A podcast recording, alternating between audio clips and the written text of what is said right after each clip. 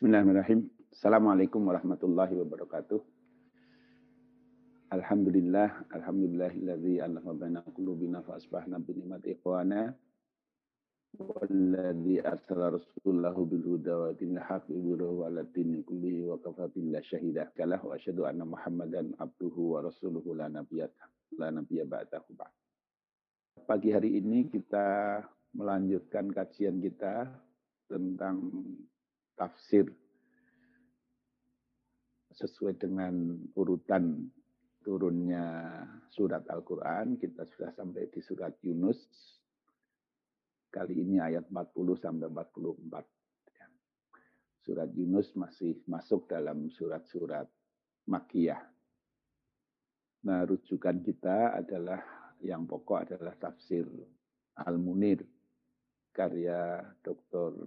Wahbah Az-Zuhaili. Nah, ini kita kutipkan ringkasannya juga beberapa catatan tambahan yang jika diperlukan. A'udzu billahi minasyaitonir rajim. Bismillahirrahmanirrahim. Wa minhum man yu'minu bihi wa minhum man la yu'minu bihi wa rabbuka a'lamu bil mufsidin. Wa minhum dan sebagian dari orang-orang kafir itu man yu'minu bihi. Ada orang yang beriman bihi terhadap Al-Quran itu Nah, di dalam sebagian tafsir bihinya ini dimaknai kepada Nabi. Ya. Wa minhum man la yu'minu bihi dan sebagian dari mereka ada orang-orang yang tidak beriman terhadap Al-Quran itu.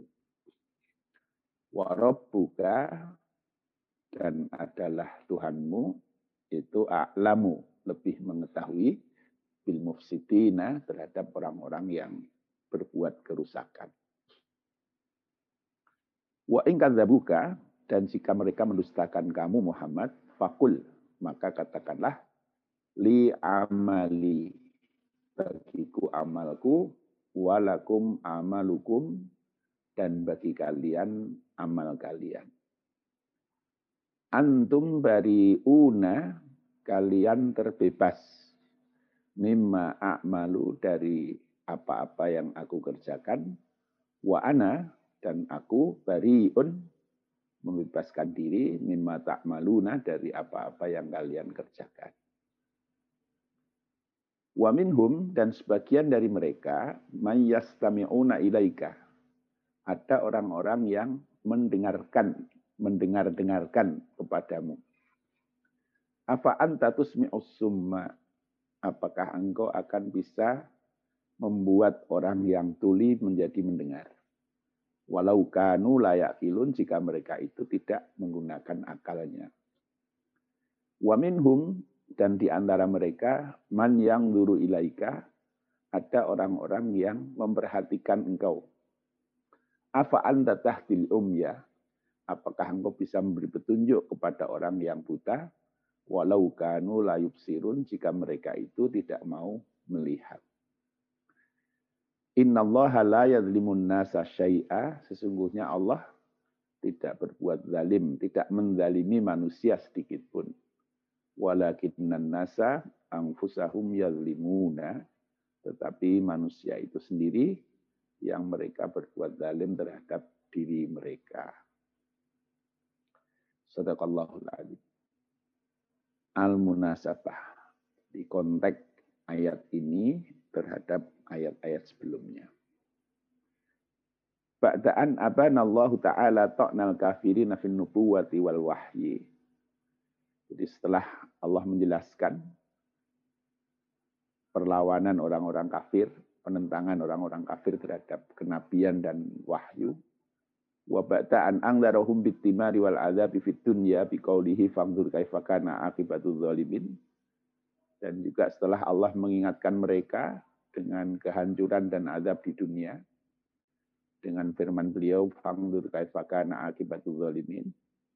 Ini ayat yang sebelumnya. Zakaro annahum fil waqi' farikoni. Maka Allah kemudian menyebutkan di dalam rangkaian ayat ini bahwa di dalam kenyataannya mereka ini, orang-orang kafir ini akan terbagi dalam dua golongan. Farikun yusattiku bi annal qur'ana kalamullahi. Ada sebagian dari mereka yang membenarkan bahwa Quran ini adalah kalamullah.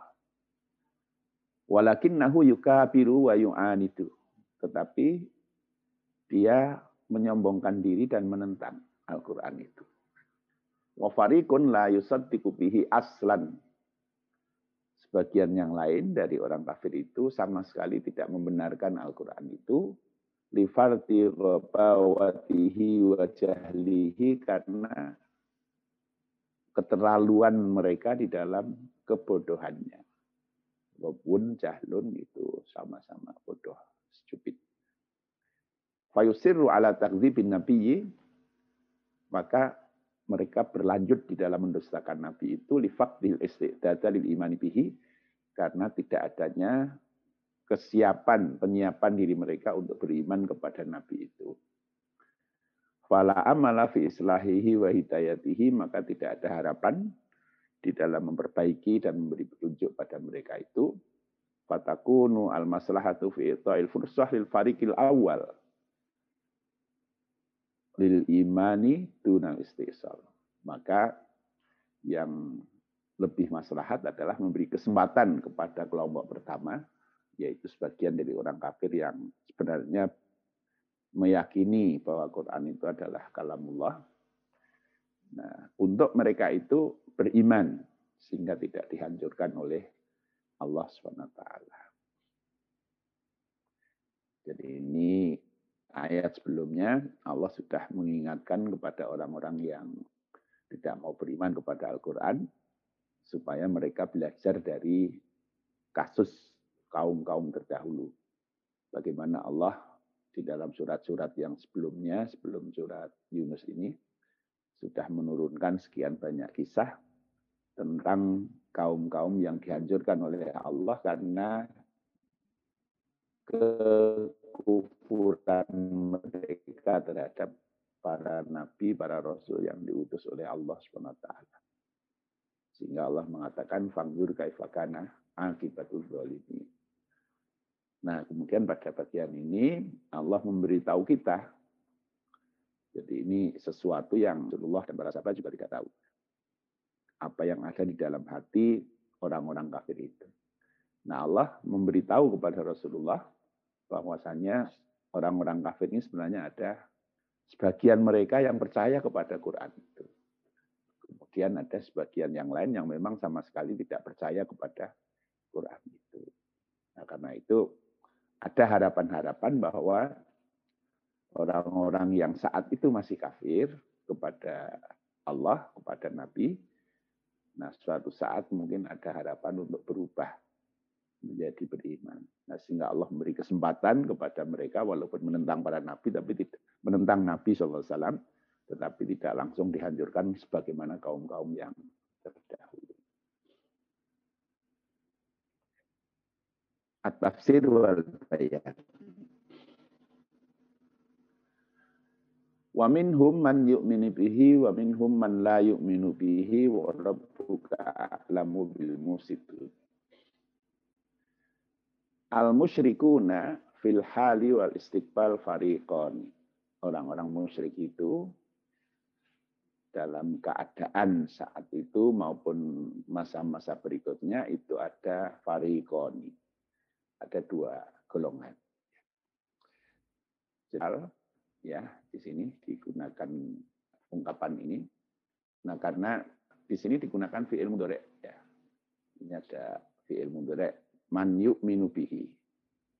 Nah, fi'il mudhari itu secara bahasa mengandung dua kemungkinan makna, yaitu makna pertama adalah al-hal, kondisi saat ini, yang kedua adalah al-istiqbal, kondisi yang akan datang. Nah, farikun yusaddiqu bil Qur'ani fi nafsihi wa ya'lamu anahu haqqun. Jadi ada sekelompok dari orang musyrik itu yang membenarkan Al-Quran di dalam jiwanya dan mengetahui bahwa Quran itu benar. Walakinnahu yu'an itu bitakzib. tetapi dia menentang Al-Quran itu dengan mendustakannya. Wa fariqun yasyukku fihi la fihi, la yusaddiku fihi. Nah, yang sebagian yang lain man la yu'minu bihi. Jadi ada yang memang ragu tentang kewahyuan Al-Quran itu dan tidak membenarkan Al-Quran itu. Hada fil hal. Ini pada saat Nabi menyampaikan ayat pada saat. Hal-hal adalah kondisi pada saatnya beriman, percaya, walaupun belum mau menyatakan keimanannya, keislamannya. Nah, sebagian yang lain betul-betul memang tidak percaya. Nah, wa yajuzu ayyuratu yu'minu al istiqbal. Nah, bisa juga bermakna bahwa fi'il yu'minu di dalam ayat ini maminhum man yu'minu ini dimaknai atau menggunakan mana al istiqbal yang akan datang. Ai wa min haula illadzina ba'asta ilaihim bu'ista ilaihim ya Muhammad man sayu'minu bihadzal Qur'an wa yattabi'uka wa yantafi'u bima ursil tabihi min wa minhum man saya sirru ala kufrihi. Jadi kalau dimaknai dengan istiqbal masa ke depan setelah ayat-ayat itu turun, ada sebagian orang-orang musyrik itu yang nantinya dia akan beriman. Dan sebagian dari orang-orang musyrik itu, orang-orang kafir itu, yang memang nantinya tidak akan beriman. Nah ini memang kenyataannya begitu. Jadi banyak sekali orang-orang yang tidak beriman di zaman ketika Al-Quran ini sedang diturunkan, tapi pada masa berikutnya nanti beriman. Ya. Banyak para sahabat-sahabat yang memang di awalnya mereka tidak beriman, tapi kemudian beriman. Nah, ada juga sebagian dari mereka yang memang tidak beriman. Ya. Bahkan sampai akhirnya ketika Rasulullah di Madinah, mereka ini memerangi Rasulullah Sallallahu Alaihi Wasallam. Nah, kalau Al-Qurtubi, ini saya kutipkan dari dari tafsir Al-Qurtubi ya. Bagaimana ungkapan beliau. Aywa minhum man yu'minu bihi fil mustaqbal wa intola takzibuhu. Jadi sebagian dari mereka, orang-orang kafir itu ada yang akan beriman pada masa beriman. Dia itu mendustakan Al-Quran itu ilmihi ta'ala as-sabiq fihim annahu minas sa'adah. Karena Allah Ta'ala yang tahu bahwa di antara mereka itu ada yang akan menjadi orang-orang yang beruntung. Jadi Allah sudah tahu ya. Jadi sebagian dari orang-orang yang saat itu masih menentang luar biasa, itu satu saat nanti akan berubah. Seperti Umar ibn Khattab, Khalid ibn Walid, dan sebagainya. ya. Jadi orang-orang yang keras sekali penentangannya kepada uh, Islam, tetapi Allah tahu bahwasanya sebagian mereka itu nanti akan menjadi orang-orang yang beriman. Wa minhum man yusiru ala kufrihi hatta yamut. Dan sebagian dari orang-orang kafir ini akan ada yang berterus-menerus di dalam kekafirannya sampai dia mati. Ka'abi Talibin wa Abi Lahabin wa nahwihima. Seperti Abu Talib, Abu Lahab, dan lain-lain. Abu Talib kita ketahui beliau meninggal sebelum Rasulullah Isra Mi'raj ya.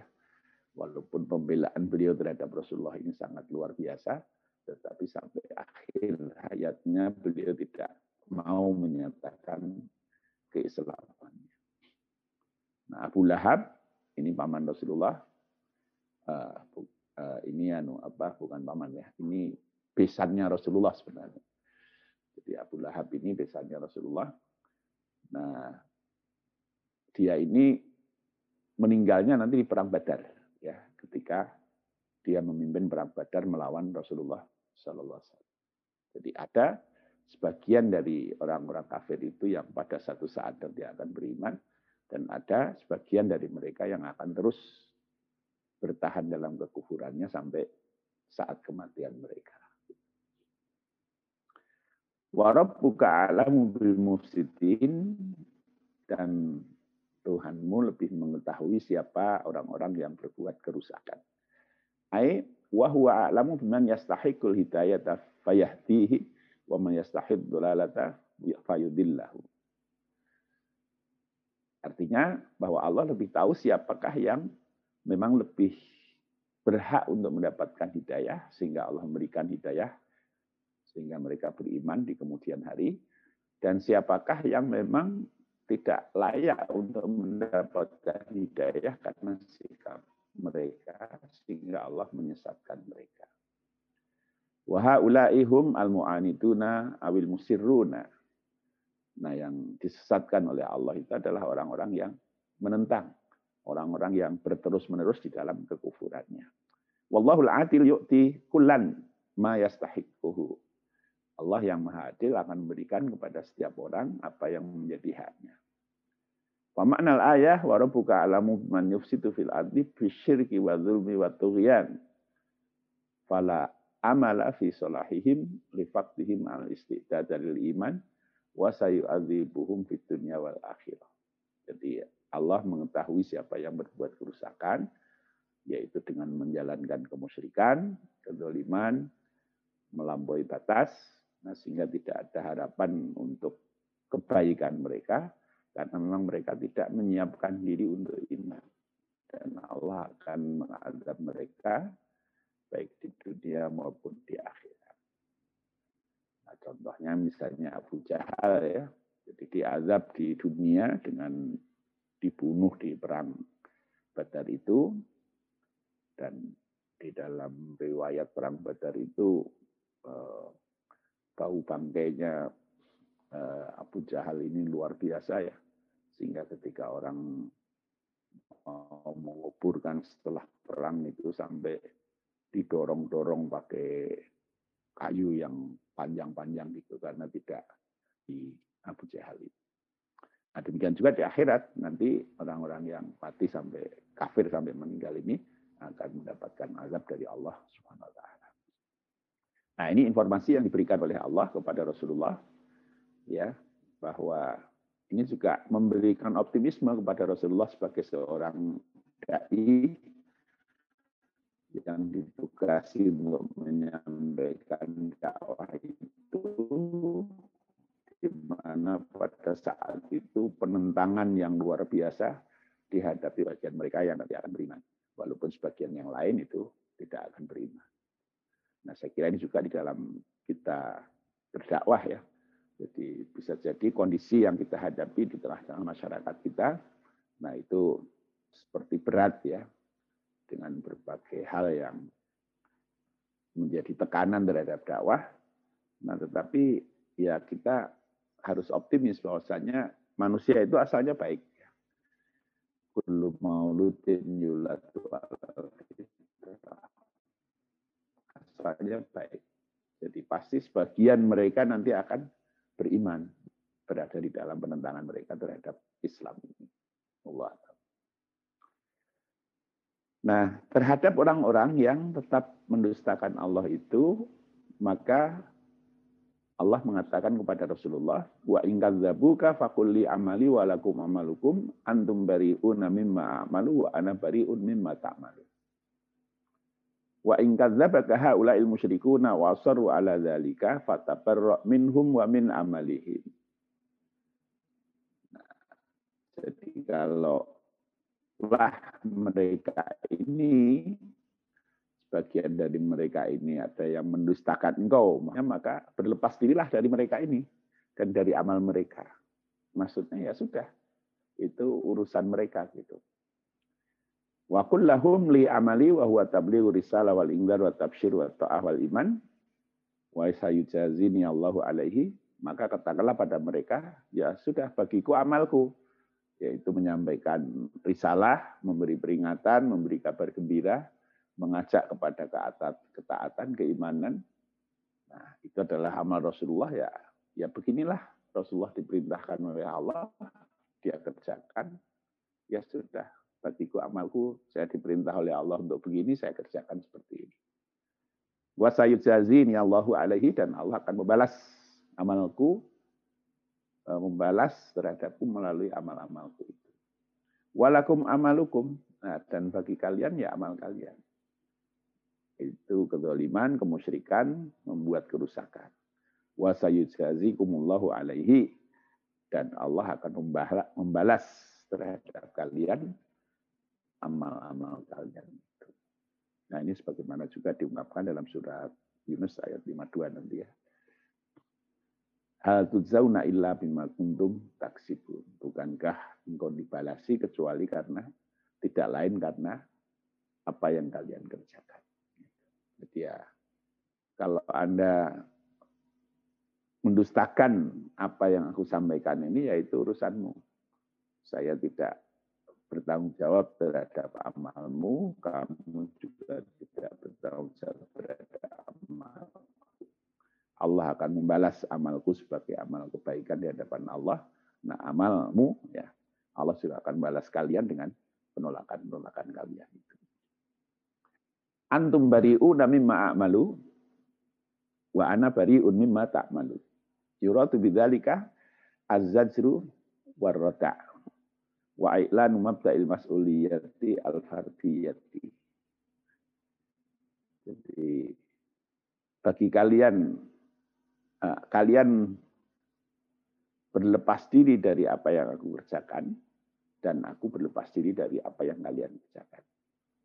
Nah, ini sebuah eh, sindiran, sebuah uh, ya sekaligus peringatan kepada mereka serta menegaskan prinsip akidah di dalam Islam ini yaitu tentang adanya mabdaul mas'uliyah al-fardiyah yaitu prinsip tanggung jawab individu di dalam kehidupan kita ini.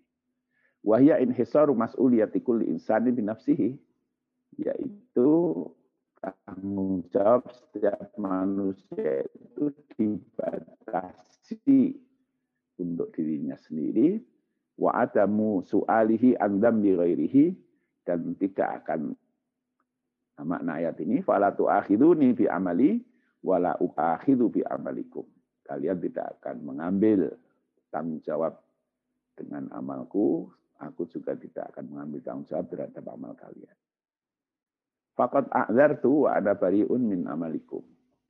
Aku sudah iktidar ya, iktidar itu sudah ya menyatakan kebebasan dari tanggung jawab dan saya bebas dari amal kalian. Nah ini seperti dalam ayat yang lain, prinsip mas'uliyah fardiyah ini misalnya di dalam surat ayat 35 Kul iniftara'ituhu fa'alayya ijromi. Itu kalau aku membuat-buat Al-Quran itu, artinya membohongi orang-orang kafir itu dengan mengaku-ngaku mendapat wahyu, fa'alayya ijromi, maka bagiku dosa-dosaku. Wa ana bari'un mimma tusrimun, dan saya terbebas dari apa-apa yang dosa yang engkau lakukan. Ya. Jadi kalau orang kafir menuduh Rasulullah membohongi mereka, mengaku-ngaku mendapatkan wahyu. Ya kata Rasulullah, kata Allah kepada Rasulullah, ya kalau tuduhan mereka begitu, ya maka ya dosamu adalah tanggung jawabku. Dosaku adalah tanggung jawabku.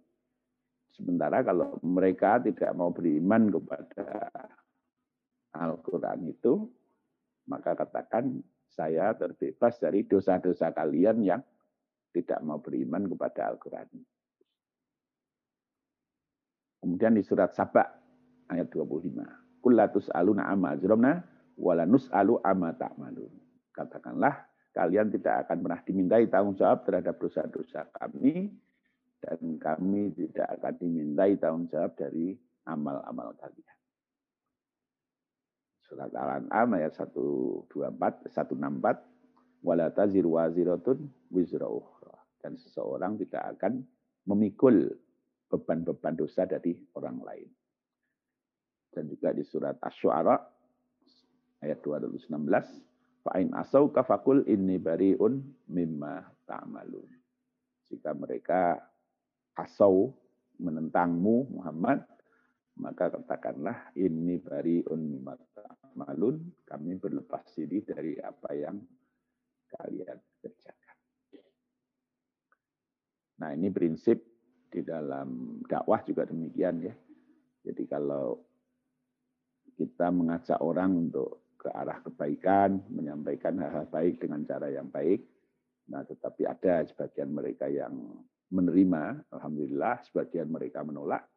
Maka bagi yang menolak ini, ya tidak ada beban kita. Ya. Jadi itu urusan dia kepada Allah. Nah, kewajiban kita adalah menyampaikan, mengajak dengan cara yang baik. Nah, kemudian bab mereka menerima atau menolak itu adalah pilihan mereka. Bagi yang menolak ya itu urusan dia kepada Allah.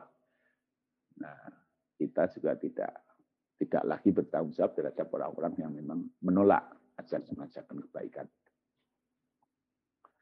Wa minhum man yastami'una ilaika afa anta tusmi'u summa walau kanu la ya'qilun. Nah, sikap orang musyrik terhadap Rasulullah itu ada man yastami'una ilaika idza qara'tal Qur'an wa 'allam tasyara'i. Jadi ada mereka yang mendengar-dengarkan ya. Jadi istama'a yastama'u itu mendengarkan.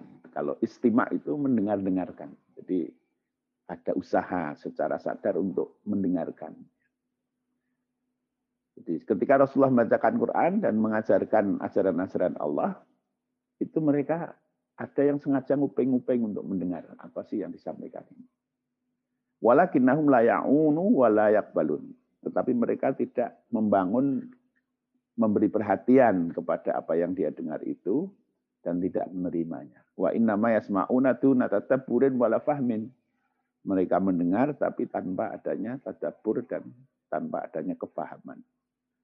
Wayah tamu nabi sima inu domil Quran wajar si sautihi.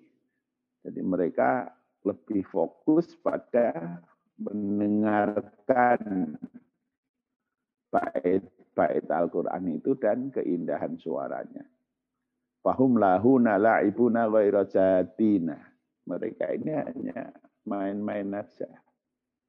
Lahun wala'ibun. Allah di surat Al-Anbiya ayat 23 mayati min dzikri mirrah mirrabbi muhdasin ilas tama'uhu wa hum yal'abuna. Jadi tidak ada yang datang pada mereka Al-Quran itu dari Tuhan mereka, dari Allah ya.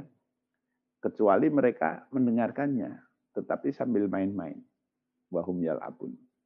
Jadi main-main aja, tidak serius untuk memahami Al-Quran itu. Lahiyatan qulubuhum. Hati mereka lalai. Ya, lalai dari memperhatikan Al-Quran.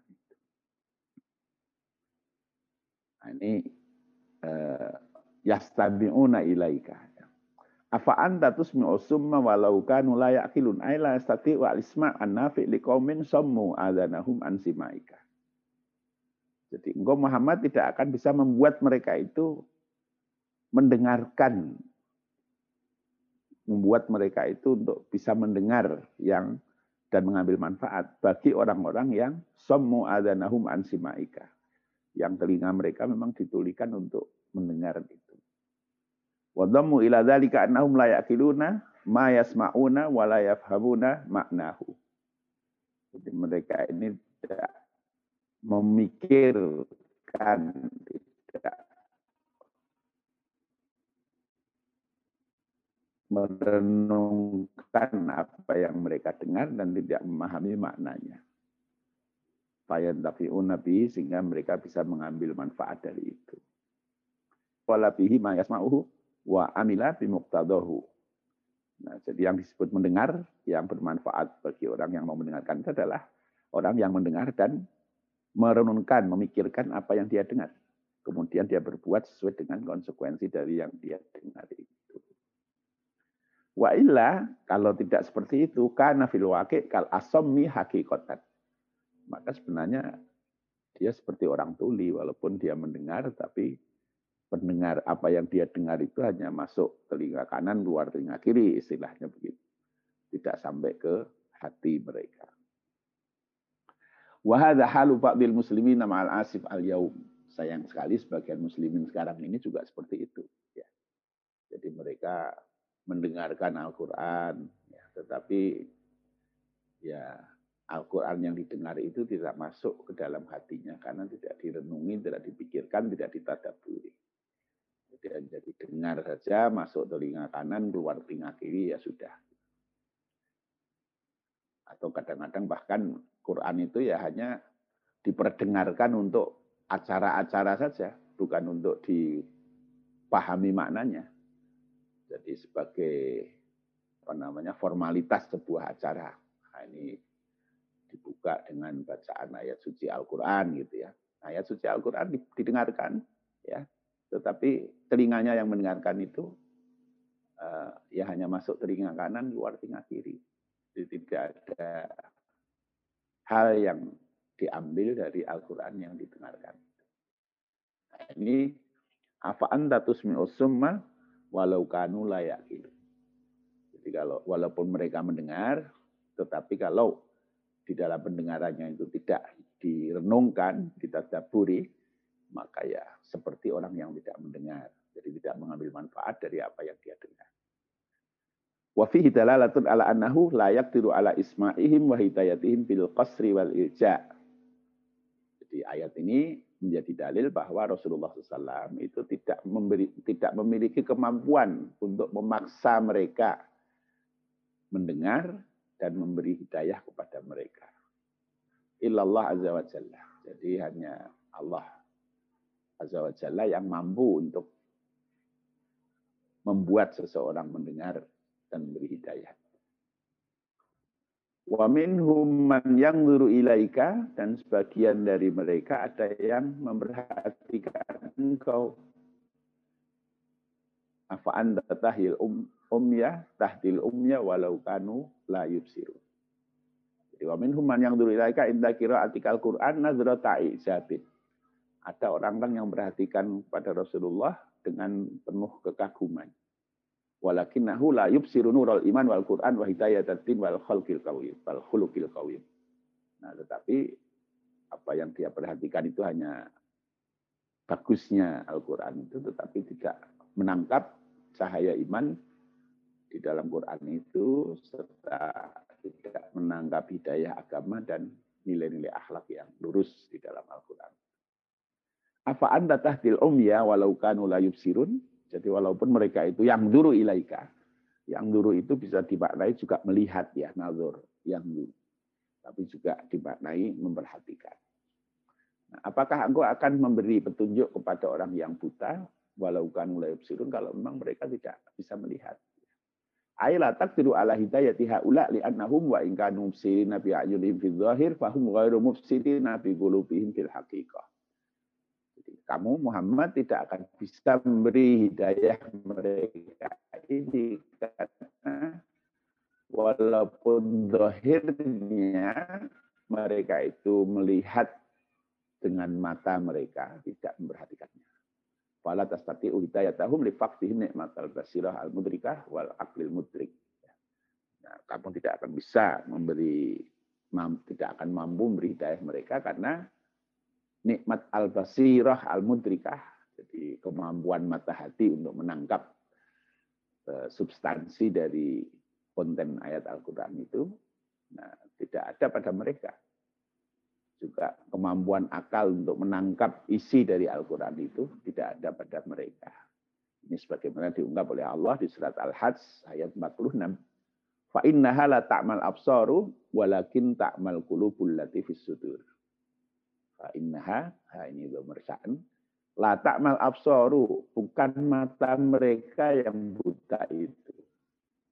Walakin ta'mal qulubu allati sudur. Tetapi yang buta itu adalah hati mereka yang ada di dalam dada mereka.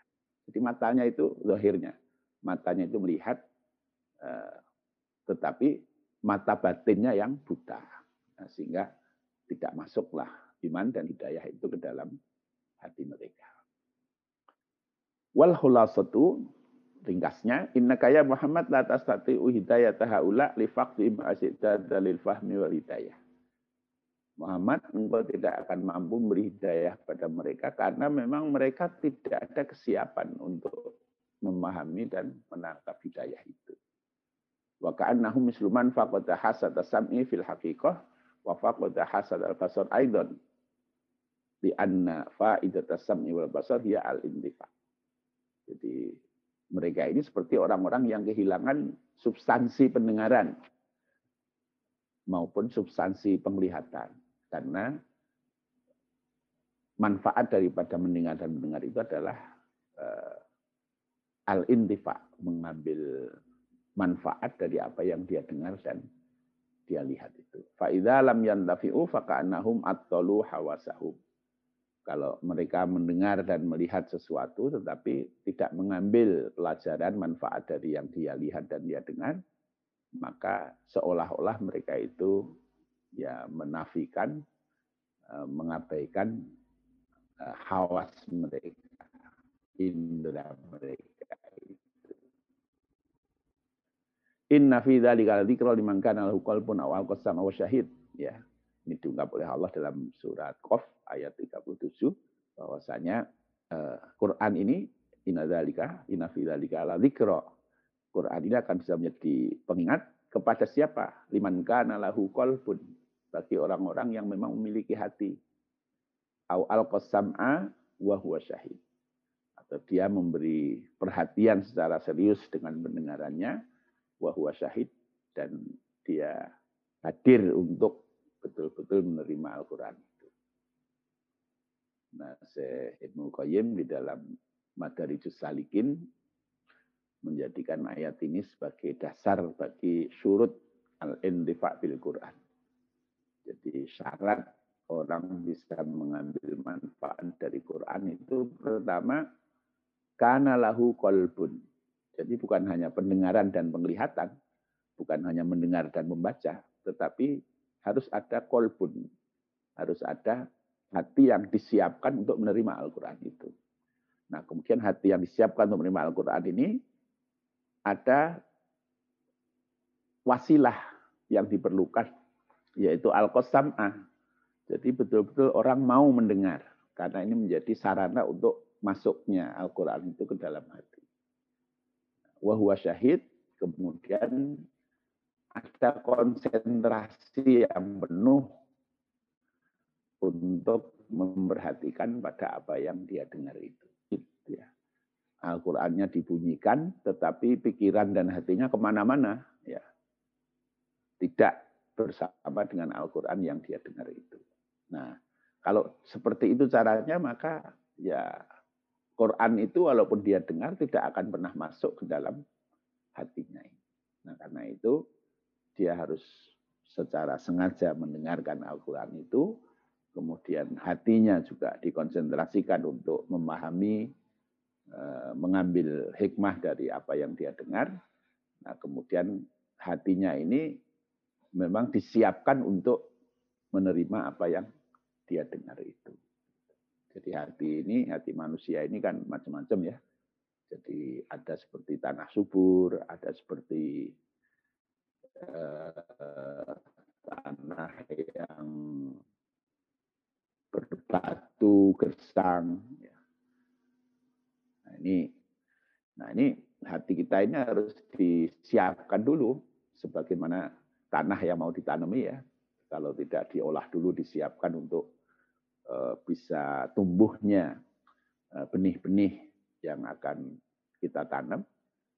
Ya walaupun benihnya itu bagus kalau tanahnya tanah yang tidak disiapkan ya bisa jadi tidak tumbuh atau kalah oleh berbagai jenis hama atau rerumputan yang lain yang juga tumbuh di yang tidak disiapkan dulu. Inna Allah la yudhimun nasa syai'an walakinan nasa anfusahum yadrimun. Inna Allah la yudhimun nasa syai'an. Inna, ay inna Allah ta'ala la yajuru abadan bisalbi hawasihim wa ukulihim ala tibiha yadrakun al-asya. Yudrikun al-asya wa yahtatuna ilal haqi waswab. Jadi Allah itu tidak pernah berbuat jahat, yaitu dengan merampas indera mereka dan akal mereka. Jadi Allah tetap penglihatan, pendengaran, akal manusia ini tidak pernah dirampas oleh Allah ya. Jadi tetap dibiarkan itu. Nah, sehingga kalau eh, orang-orang ini kemudian eh, tidak mau beriman, itu bukan karena Allah yang jahat ya, menghilangkan hawas dan membawa kepada al-haq wasawat. Walakin nasahum adzalimun anfusahum wahdaha tuna Tetapi manusia itu sendirilah yang berbuat zalim terhadap diri mereka bukan yang lain. Di annahum yu'arriduna hali iqabil kufri wat taklif wal ma'asi bita'tilihim nikmatal akli watang watung kirihim watang kirihim di hidayatiddin. Jadi mereka sendiri yang menyodorkan dirinya untuk berhadapan dengan ikop, dengan kekafiran, pendustaan, maksiat, dan mengabaikan nikmat akal, serta menolak hidayah agama.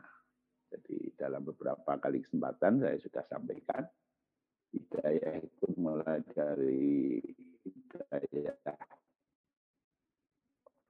fitrah ya rizah di dalam diri kita kecenderungan kita untuk baik. Perlu mauludin yuladu al hawas ya.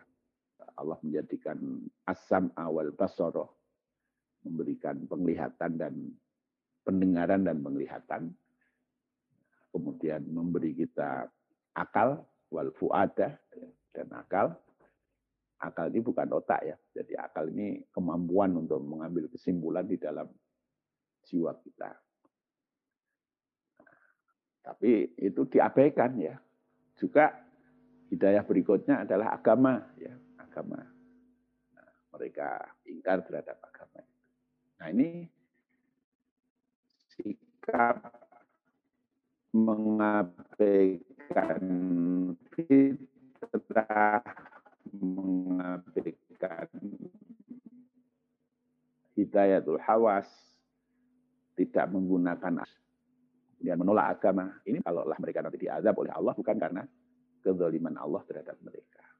Walakinan nasa walakinan nasa angfusahum yazlimun. Tetapi karena kezaliman mereka sendiri. Apa kezaliman mereka itu? Ya ini, mengabaikan fitrah yang sudah diberikan oleh Allah, mengabaikan uh, asam awal basara wal fuada, menolak agama yang memang diturunkan oleh Allah untuk memberi hidayah pada kita. Nah akhirnya mereka di dunia ini juga mengalami azab sebagian dari mereka di akhirat juga mereka akan mengalami azab nah, fa inna azabahum yaumal kiamati adlun wa haqqun la jadi kalau nanti di akhirat mereka mengalami azab itu bukan karena kezaliman Allah Subhanahu wa taala Bapak Ibu rahmatullah. Nah, kesimpulannya eh, pertama eh, eh, orang-orang kafir itu ada yang Nah, yang kedua bahwa setiap manusia itu bertanggung jawab terhadap dirinya sendiri. Kalau dia berbuat baik, maka balasannya adalah kebaikan. Kalau dia berbuat buruk, balasannya adalah keburukan. Dan tidaklah seseorang itu akan bertanggung jawab terhadap uh, beban amal-amal atau dosa orang lain.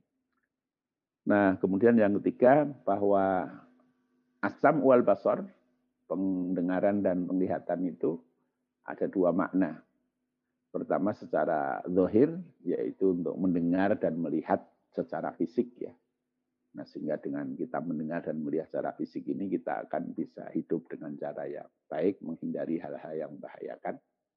Nah, yang kedua, itu ada hadfun hakiki untuk tujuan yang lebih substantif, yaitu supaya dengan penglihatan dan pendengaran kita itu, kemudian kita lanjutkan dengan kita mentadabur apa yang kita dengar dan kita kita lihat itu.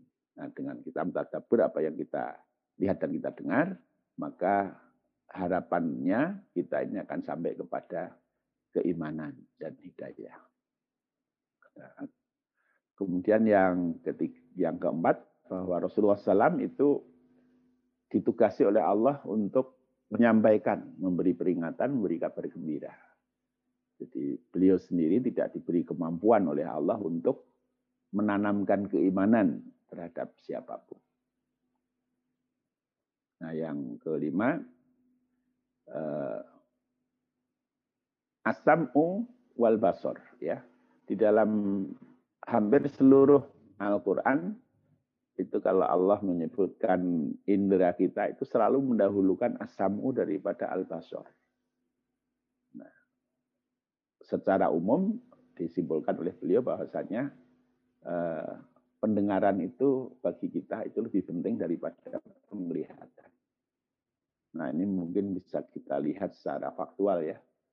Kalau ada bayi, nah misalnya lahir dari kecil itu buta tetapi pendengarannya masih baik, maka dia masih bisa tumbuh dengan segala kebaikan yang bisa ditumbuhkan. Bahkan sebagian orang buta masih bisa menjadi ulama-ulama besar. Jadi Syekh bin Bas itu misalnya beliau buta, tapi kita tahu beliau menjadi ulama besar.